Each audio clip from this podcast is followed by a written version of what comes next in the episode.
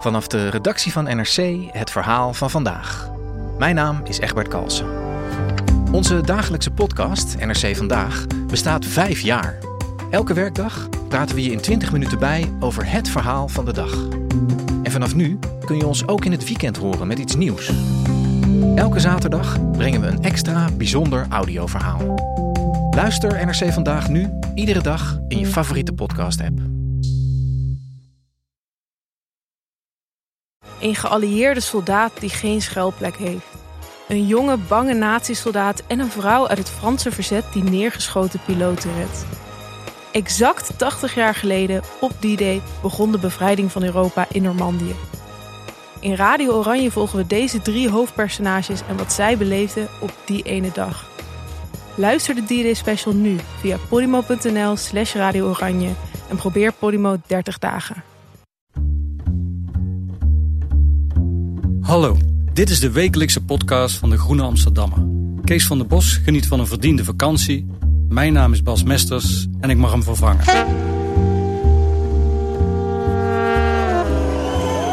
We gaan het hebben over de boerenoorlog die door Nederland waart. Ik wil toch even vragen om uh, enige rust te bewaren. Wat doet dit u? Ik ben echt zwaar onder de indruk van dit protest. Ik vind het goed dat jullie naar Den Haag zijn gekomen. En ik begrijp ook waarom jullie boos zijn. De emoties lopen hoog op. Boeren die voelen zich in hun waardigheid en bestaan bedreigd. En de boeren zijn het gewoon zat, hè? Ze werken dag en nacht, maken goed voedsel op een hele schone manier... als je dat vergelijkt met de rest van de wereld. En dan worden ze heel vaak afgeschilderd als milieucriminelen of fraudeurs. Natuurbeschermers en politici, zoals de D66er Tjeerd de Groot... vinden dat die boeren de waarheid onder ogen moeten zien. Het gaat ook slecht met de natuur. En we moeten in dit land zorgen voor schoonmaak. Een open dialoog lijkt onmogelijk. Beste mensen, laat je niet provoceren vandaag. Laat je niet door een handvol loserige veganisten of dierenactivisten op de kast jagen. Hoe in zo'n sfeer de waarheid te achterhalen en de impasse te doorbreken? Journalist Marcel ten Hoven ging op onderzoek uit en schreef een interessant tweeluik over de oorzaken van de boerenoorlog. Zijn de boeren ziende blind? Of zijn ze misschien wel bedrogen en zitten ze echt klem? Welkom, Marcel. Ah, Bas. Je bent al vier decennia journalist, werkt 30 jaar bij Trouw, opereert nu als eigen baas en schrijft veel over politiek en democratie voor de Groene Amsterdammer. Maar wat heb je met boeren? um, misschien net zo weinig als de mensen die zich uh, in oktober uh, te pletten ergerden aan uh, de protesten van boeren. En dat Malieveld dat werd omgeploegd, de intimiderende vertoon met tractoren. Maar ik weet dan ook altijd, houd ik in gedachten, de, de eerste zin waarmee Susan Nyman haar nieuwe boek Learning the Germans begin, begint. Dat is de andere, dat is het kwaad. Wij zelf zijn heel fijne mensen. En met dat, moet je, dat idee moet je altijd wel rekening houden. Dat zelfbeeld, dat kan je enorm bedriegen. En dan is het dus de kunst om op het onderzoek uit te gaan. Om te kijken of die anderen echt de slechte zijn en jijzelf de goede. Dat heb ik in dit geval uh, gedaan. Ja, want het is echt een uh, heel emotioneel dossier. Uh, dus um, was het moeilijk voor je om zeg maar daar neutraal in te gaan? Dat is een beetje de kunst van het vak van journalistiek. Om een andere interessant interview aan te halen. Ineke Bakker gisteren in Trouw, interview door collega Maaike van Houten. Die zei over het geloof. Het geloof moet je een beetje onrustig maken. Uh, dat geldt ook voor uh, uh, ons vak van journalistiek. De journalist moet een beetje onrustig zijn van zijn eigen vak. Dat wil zeggen, zie ik het echt wel goed? He, heb ik, ga ik niet onder, ook gebukt onder voordelen? Heb ik alle feiten wel gecheckt voor ik een bewering doe? Dat is het vak. Mm -hmm. Je wint je ergens over op. Je bent boos, je bent vrolijk. Je, je, je voelt je ergens mee geëngageerd. Positieve of negatieve zin. En dan moet je afstand gaan nemen en kijken welke werkelijkheid achter het beeld schuil gaat. En waar ergerde jij je op uh, aan uh, rondom die boerenacties? Ik denk uh, dat waar de meeste Nederlanders zich toch wel over zullen hebben opgewonden. Het intimiderende vertoon. niet zozeer dat blokkeren van wegen, dat is een tijdelijke overlast, maar de manier waarop, hè, met die enorme tractoren. Maar ook uh, de ontvankelijkheid die veel boeren op het Malieveld leken te hebben voor uh, ja, foppolitici als, uh, als Wilders, die de boeren naar de mond praten, maar ook Baudet en, en Hiddema, die nou ja, van de politiek eigenlijk alle ernst uit de politiek halen door te doen alsof ze nog steeds op Minerva een beetje kunnen zooien en leuke meisjes versieren. Wat ergerniswekkend was voor mij vooral was dat een bedrog zo gemakkelijk werd gevreten op dat uh, Malieveld. Maar ook dan moet je je afvragen, is dit representatief voor de boerenstand? De, Farmers Defence Force met zijn ingehouden agressie? Of um, is dit helemaal niet representatief en zijn er ook veel eh, goedwillende uh, agrariërs? Ja. Dat is een onderzoek waard. Ja, en wat bracht je precies ertoe om nu te besluiten... ik ga met die boeren aan de slag? Nou, dat is eigenlijk heel uh, prozaïs. Op de redactievergadering opperde ik dat we eens naar de langere termijn moesten kijken. De landbouwpolitiek zoals die sinds de Tweede Wereldoorlog is vormgegeven. En de vraag of je de wortels van uh, de crisis van nu in die landbouwpolitiek kunt vinden. En zoals het vaak gaat, als je een idee oppert, kijkt iedereen je aan van nou dan voer je het ook maar uit. Ja, ja, ja. ja. En zo geschieden. En zo geschieden. Waar moeten we beginnen om dit eh, verhaal te vertellen?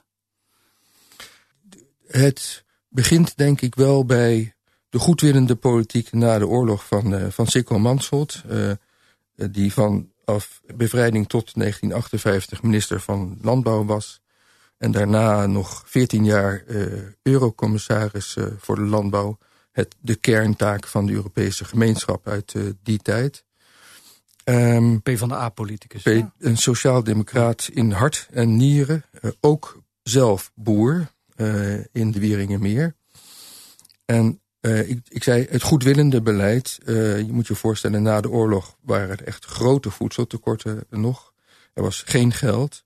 Dus wat vloeit logisch voort uit, uit zo'n constellatie? Dat je zo snel mogelijk de voedseltekorten probeert weg te werken tegen zo laag mogelijke prijzen. Zodat mensen eh, weer voldoende te, eh, te, te, eten hebben. Dat was echt letterlijk de noodsituatie. En daar is een, een landbouwsysteem op gebaseerd... dat grootschalig, intensief en uitgaande van een bulkproductie uh, inhield. Misschien moeten we even naar hem luisteren, wat hij er zelf over zei, over zijn plannen. Die landbouw is eigenlijk lang stil blijven staan in een maatschappij die zich snel heeft ontwikkeld. En de boeren die hebben over het ogenblik geen kans om die ontwikkeling van deze maatschappij in hetzelfde tempo mee te maken. Dat wil dus zeggen, er is een landbouwbeleid nodig. Een groot proces van rationalisatie van modernere bedrijven, veel mindere boeren. Ja, dat is wat hij wilde. En, en wie hij was, eh, dat vertelde je zelf al, hij was een PvdA-politicus. Het was ook een verzetstrijder. Hij heeft zelfs illegaal voedsel uh, verspreid in de oorlog. En werd snel naar boven gehaald en werd daar minister. Wat werd zijn beleid? Het was inderdaad een, een indrukwekkende man met een doordacht uh, beleid. Maar je kunt ook van hem zeggen dat hij paste in de traditie van de sociaaldemocratie... zoals die zich na de Tweede Wereldoorlog uh, uh, heeft ontwikkeld. Dat is een traditie van rationele politiek. Het, was ook de tijd van het ingenieurssocialisme. Het woord zegt het eigenlijk al. Groot vertrouwen in de wetenschap en de techniek om uh, het beleid dat je wilt voeren ook vorm te geven. Dat, als je de sociaaldemocratie in wat breder perspectief uit die tijd bekijkt... zie je dat niet alleen in de landbouwpolitiek terug... maar zelfs in de steden, waar PvdA-wethouders zoals Den Uyl in Amsterdam... de oude stad eigenlijk wilden laten plaatsmaken... voor een moderne, rationeel ingerichte stad. Den Uyl was van plan de pijp en de Jordaan plat te gooien om die te laten plaatsmaken voor galerijflats zoals we ze uit de Bijlmer kennen. Een soort ruilverkaveling in de stad als het ware. En, zo, Dat is een mooie vergelijking. Uh, we hebben daar de Wieboudstraat aan te danken. Uh, beter gezegd, we hebben aan de Nijl de Wieboudstraat te wijten. Uh, ja. Die straat is lange tijd een, een ongure verkeersgoot geweest. En herstelt zich nu langzaam maar zeker van die enorme ingreep. Maar het heeft dus wel 40 jaar geduurd om zo'n herstelproces uh, plaats te laten vinden. En dat kwam en dus allemaal voort uit uh, optimistische, welbedoelde uh, praktijken waarbij de arbeiders meer rechten kregen en de boeren ook volgens Mansholt arbeiders moesten worden die ook vrije tijd moesten hebben. Ja. En, en, en, voldoende geld moesten kunnen verdienen om, om, om dat te realiseren. En daarvoor had hij dat beleid. Een goed leven voor iedereen, een fatsoenlijk bestaan dat waren ook woorden die sociaal-democraten in de woordbond waren bestorven in die tijd. En wat gebeurde er toen in Nederland tussen uh, 46 en 58 toen hij minister van uh, Landbouw was? Een heel snel rationalisatieproces. dat begon, begon, met ruilverkavelingen op het platteland. Om dat zo efficiënt mogelijk in te richten. Dat begon met, dat hield mechanisatie in. Dus de handarbeid maakt plaats voor tractoren. Dat hield het gebruik van kunstmest, pesticiden, herbiciden in... om uh, de oogsten zo rijk mogelijk uh, te laten zijn. En om de risico's die in de landbouw is verdisconteerd... namelijk het risico dat van de grillige natuur... om die risico's zo veel mogelijk te beperken met mm -hmm. kunstmatige middelen. ook dat is natuurlijk een bijna technische visie op, uh, op landbouw. Dat je dat zo ver kunt rationaliseren dat je de natuurlijke risico's die uh, in die sector uh, aanwezig zijn minimaliseert. En de, dat was nog de tijd van de verzuiling, maar werd dit beleid eigenlijk door alle partijen omarmd? Tekenend voor het grote draagvlak dat Mansot met dit beleid had, was de motie van Hulde, die op initiatief van Kamervoorzitter Kortenhorst in 1958 bij zijn afscheid aan uh, Mansholt werd gericht. Dat is echt een novum. Volgens mij is ook daarna uh, niet meer geweest zo'n ruimhartig gebaar van de Tweede Kamer. Maar de Kamer nam een motie van hulde aan bij het afscheid van Mansholt. Van hulde, van waardering. Van waardering. Ja. Ja. En uh, okay. christendemocraat en liberalen zeiden in die tijd ook... Uh, als wij een betere hadden dan Mansholt... hadden we ongetwijfeld naar voren geschoven. Maar er is geen betere voor deze portefeuille. Dat is onomstreden. Onomstreden. Um, en uh, twee jaar daarna werd hij in 58 ook eurocommissaris uh, voor het landbouwbeleid. En wat heeft hij daar gedaan? Daar heeft hij mm, in het groot toegepast wat hij in Nederland deed. Um, rationalisatieproces in de landbouw. Maar vergeet niet, hij had ook een duidelijk politiek motief hiervoor. Max Koonstam, een van de grondleggers van de Europese gemeenschap heeft ooit gezegd... zonder landbouwpolitiek was die gemeenschap mislukt. Het politieke motief van de Sociaaldemocraten... Uh, in dit geval van Mansholt... om dat landbouwbeleid uh, Europees te maken... was ook dat de Europese integratie... het naar elkaar toekomen van zoveel verschillende landen... als uh, Europa telt, te dienen. Ja, en het hoofdinstrument wat hij daarbij gebruikte... waren de subsidies? Ja, dus um, ik, uit mijn hoofd gezegd ging... nou, vele tientallen procenten, 75, misschien wel 90 procent... van de begroting van de Europese gemeenschap, zoals die hier toen nog heette... Uh, aanvankelijk ook Europese economische gemeenschap... Uh, op aan uh, het landbouwbeleid, aan de landbouwsubsidies. Goed. Wat ook een vorm van, zou, zou men nu zeggen, subsidieverslaving heeft veroorzaakt. Ja, ja, ehm, bij de, ja, dat kan me voorstellen. Dus wat is er uiteindelijk uh, misgegaan, ondanks die goede bedoelingen eigenlijk, die er aan alle kanten waren? Europees is misgegaan dat die subsidies zwaar marktverstorend hebben gewerkt. Waardoor er uh, idiote overschotten ontstonden die bekend stonden onder melkplas, boterberg en dat soort tot de verbeelding sprekende termen. Mm -hmm. En dat gaf een enorm verstorend uh, effect. Men kon die producten... Die ja. over, had ook een nogal cru effect. Want die overschotten werden gedumpt in de derde wereld. Wat betekende dat uh, in de arme wereld, dus een betere term... Uh, wat betekende dat die landen zwaar beconcurreerd werden als het om de landbouw ging. Het ging ten koste van boeren in landen die veel armer zijn dan de Europese. Ja. dat was de prijs die Mansholt betaalde voor een landbouwbeleid... dat dus ook zo zwaar politiek gemotiveerd was. Ja, en een ander aspect was eigenlijk dus dat de economische macht... boven de ecologische kwam te liggen. Of was dat toen nog niet zo?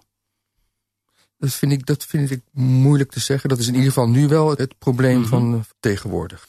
Als je naar de, de, de kern van, het, van de landbouwcrisis van nu kijkt... dan is dat dat goedwillende boeren lopen aan tegen het feit dat zij eigenlijk alleen staan... tegenover grote economische machten als die voederindustrie, de banken en het grootwinkelbedrijf... als zij eh, eh, een keer naar die duurzame landbouw moeten maken... dan staat al gauw de bank op de stoep. eh, kijk uit, want dit kost je je lening. Dan dreigt er faillissement. Het grootwinkelbedrijf staat op de stoep eh, met de mededeling... hou je je wel aan je leveringscontract. Zo zie je het beeld van een boer die betrekkelijk alleen staat... ook geen steun ervaart van de overheid... in zijn confrontatie met zulke grote machten, Ja. economische machten. En het opzienbarend is dat Mansholt zelf eh, al vrij snel na zijn pensionering eigenlijk ook inzag dat, eh, dat er iets fout was gegaan en dat ook erkende publiekelijk. Daar ben je na gaan denken. Ben ik na gaan denken. En toen heb ik gezegd, ja, ik heb het fout gehad. Ik heb het fout gehad. Alle feiten wijzen er toch op dat als wij, en zeker in het rijke deel van de wereld, in Amerika en Europa, ons gedrag niet veranderen, dat we naar de crisis gaan. Dat er catastrofes voor ons liggen. Hij heeft dus het ene probleem, hongersnood en betere verdeling in Europa, opgelost. En daarmee een nieuw probleem gecreëerd. En hij probeerde dat zelf ook wel nog mee te veranderen, maar dat, dat is hem eh, niet gelukt. Waarom is het zo moeilijk, dat heb je net al een beetje verteld, om die situatie te veranderen? Ehm, die boeren zitten dus echt klem volgens jou. Is is het, eh, zit, zit niet zozeer bij de boeren, maar meer bij het, systeem waarin ze vastzitten? Ja, het is interessant om die vergelijking met ehm, begin jaren 70 en Mansholt eh, nog een keer te trekken. Elk groot systeem dat in een crisis geraakt, daar zie je eigenlijk hetzelfde patroon ontstaan. In de jaren 70 was de grote crisis die van de verzorgingsstaat. De overheid gaf veel te veel uit en dat veroorzaakte een zware economische crisis. De eerste wat je dan altijd ziet is dat een soort van noodverband wordt aangelegd. Met een beetje plakband en duct tape wordt de boel nog bij elkaar gehouden. In het geval van de eh, crisis van de verzorgingsstad was dat bijvoorbeeld de ziektewetmaatregel die minister Den Uyl eh, van Sociale Zaken in 1981 nam. Een poging om eh, in die sfeer eh, de uitgaven een beetje te beteugelen. En in het geval van de landbouwcrisis nu was zo'n noodverband die, stikstofmaatregel van het kabinet... waarbij ze doelbewust Europese regels over maximale stikstofuitstoot in natuurgebieden... eh, als het ware omzeilden met een afspraak van het regelen we later eh, wel. Het effect van dat soort beleid is eigenlijk altijd dat er een zware polarisatie ontstaat... tussen degenen die belang hebben bij vasthouden aan dat oude, maar overleefde, niet meer handhaafbare systeem De boerensector. de boersector eh, in dit geval. En degene die dat, er steeds zwaardere en drastische maatregelen voorstaan... eh, om dat systeem eindelijk in, eh, in het gereel te krijgen.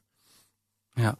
En de grote vraag is dan nu, eh, hoe verder? En minister Schouten, die zelf een boerendochter is, die pleit voor kringlooplandbouw. En ze deed dit ook in een promotiefilmpje, waarbij ze wandelend langs een riviertje door een eh, landelijke sfeer uitlegde wat ze wilde. Ik heb de afgelopen periode veel gesproken met boeren, tuinders, vissers. En zij vroegen allemaal aan mij: geef ons richting. Hoe ziet de landbouw van de toekomst eruit? Wat zijn de zaken waar we ons op moeten richten? Ik geloof dat de toekomst van de landbouw kringlooplandbouw is. Bij kringlooplandbouw gaat het niet om het produceren tegen zo laag mogelijke kosten, maar produceren met zo min mogelijk grondstoffen. En als er grondstoffen over zijn, dan heeft het waarde, dan gebruiken we ze weer.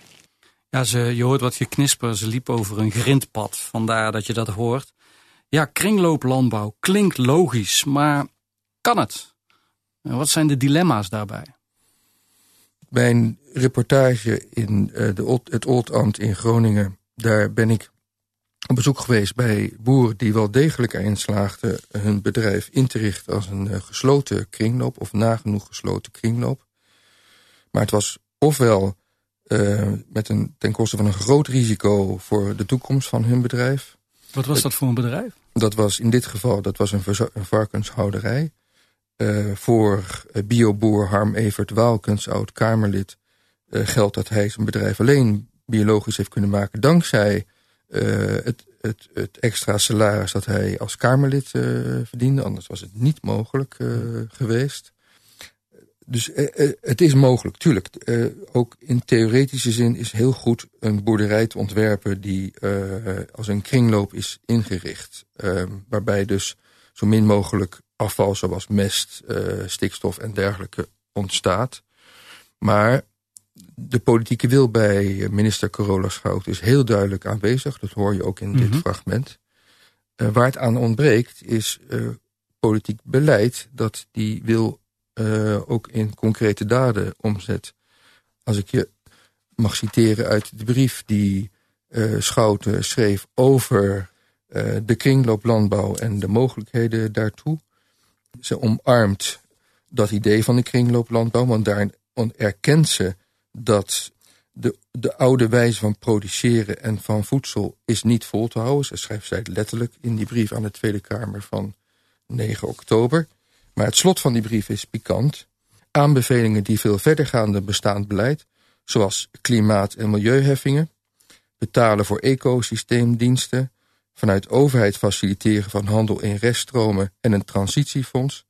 Uh, al die uh, maatregelen daarvan zegt ze uiteindelijk, letterlijk, daar ga ik nog naar kijken. Daar schuift ja, ja. ze dus naar de toekomst uit. Hoe daar komt zie je... dat? Dat zij zo daarin staat? Omdat ze, ze boerendochter is en ze zit gevangen in die achterban? Of? Dat, dat verergt, vereist in de eerste plaats, om een, een beetje een cliché te gebruiken, politieke moed je zag dat CDA en VVD, zodra die protesten eh, begonnen... de boeren naar de mond gingen praten. Die boeren op het Malieveld hè, zeiden... Uh, maak dus geen zorgen van een inkrimping van de veestapel. zal uh, geen, geen sprake zijn. En jullie zijn onze boeren. We zijn trots op jullie. Dat is een gebrek aan politieke moed om de waarheid ook te vertellen. En de ja. waarheid is uh, zoals, uh, die, het, die, is het... duidelijk, maar die politieke moed, die, het gebrek daaraan komt natuurlijk ook uit iets voort. Die boeren, ik, ik heb zelf schoonfamilie die boeren zijn. Uh, en daar ging het altijd over Den Haag en over Europa.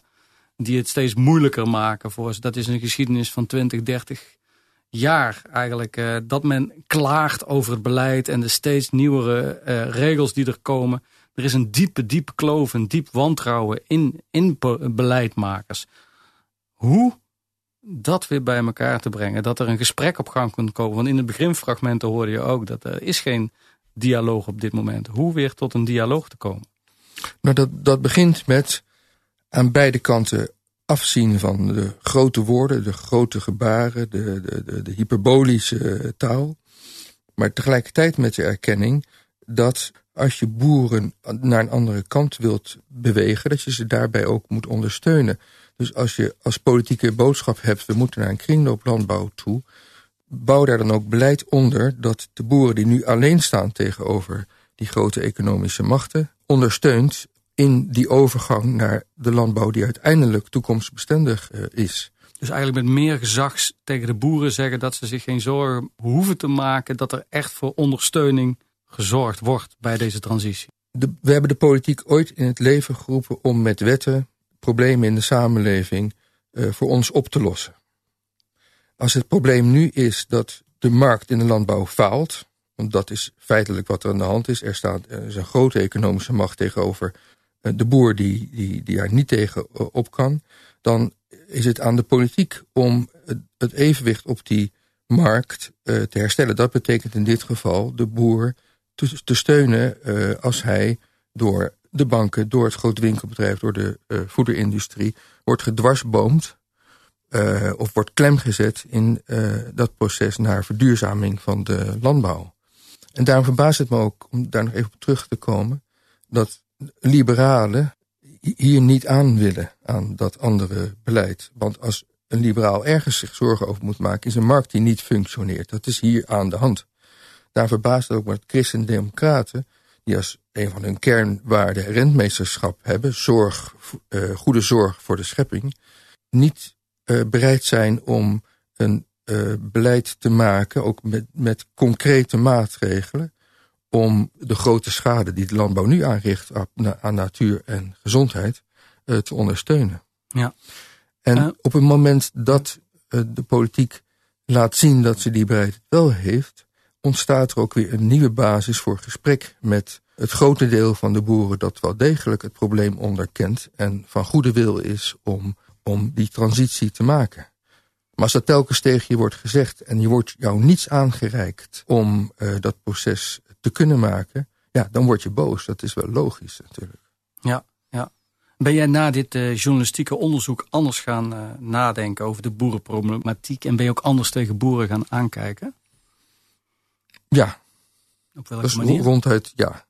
Nou ja, als stedeling had ik natuurlijk ook last van een aantal voordelen tegenover boeren. Die werden gevoed door de agressie en de intimidatie van die protesten in oktober. En dwaze uitspraken van voormannen van het Farmers Defence Force, waar ze uh, ook niet van terugkwamen. Uh, maar dan is het des te bemoedigender om, als, om te zien als je op onderzoek uitgaat, dat dat geen representatief geluid voor de boeren is. Nee. En dat, uh, dat, dat is een conclusie die ik wel durf te trekken na dat, dat onderzoek. Jouw conclusie is dat de boeren best wel mee willen bewegen? Het grote deel wel. Veerman, Kees Veerman, oud-minister van Landbouw... Akkerbouwer in Rusten, oud-hoogleraar in Wageningen... die zeiden over elke grote verandering in de samenleving... zul je zien dat er een kleine voorhoede is die direct bereid is met die verandering mee te gaan een andere kleine groep die zal tot het eind toe dwars liggen... en uh, desnoods met uh, zijn tractor uh, een deur van een provinciehuis inrijden. Maar de grote meerderheid kun je meekrijgen... als je reële politiek voert en een basis van gesprek biedt. Dat is wat er dan... er zit dus welwillendheid aan de boerenzijde, heb je geconstateerd. Als we kijken naar de stad, dan ligt daar natuurlijk ook een taak voor de consumenten... om die boeren te helpen. Zeker. Dus een van de frustraties van, uh, van de boeren die ik heb gesproken... is dat er onvoldoende het besef bij consumenten bestaat... dat we nu echt heel weinig betalen voor ons voedsel. Dat zijn geen reële prijzen. En dat wat nodig is, is een, een indalend besef bij ons consumenten... dat we voor goed voedsel, dat is geteeld op een manier die milieuvriendelijk is... die gezond is, die uh, schoon is van pesticiden. Dat we daar best wat extra voor mogen betalen. En natuurlijk, dat heeft koopkrachtconsequenties. Opnieuw zie je daar dan een taak voor de politiek voor je liggen. Dankjewel, Marcel ten Hoven, voor dit verhaal en je mooie verhelderende tweeluik in De Groene. Lees deze week in De Groene ook een portret van Murat, een Jezidische Iraakse tolk die teleurgesteld raakte in drie achtereenvolgende Amerikaanse presidenten en toch nooit de hoop opgaf. En een onderzoek naar de vangst van tropische siervissen en koraal. Een miljardenindustrie die langdurige ecologische schade veroorzaakt. Volgende week zijn we er weer met analyses en achtergronden bij het nieuws in deze podcast van de Groene Amsterdammer. Wilt u een proefabonnement op de Groene? Ga dan naar groene.nl. U krijgt dan 10 weken de Groene voor 15 euro. En voor wie maar geen genoeg kan krijgen van podcast, heb ik een bijzondere kans. Het lectoraat van de School van de Journalistiek uit Utrecht doet onderzoek naar podcast. Die vragen zich af wat u mooi vindt, wat niet, wat u aantrekt. En op vrijdag 24 januari wordt hierover in Utrecht een bijeenkomst gehouden met een kleine groep, waarbij ook de podcast van de Groene ter sprake komt. De bijeenkomst is vlakbij het station als je belangstelling hebt, stuur dan een mailtje naar podcast.groene.nl, dan sturen wij dat door. Goed, dat was het. Deze week werd de Groene Podcast gemaakt door Rosa Uiterwouw, Alfred Koster en Bas Mesters. En de muziek is A Tune for N van Paul van Kemenade.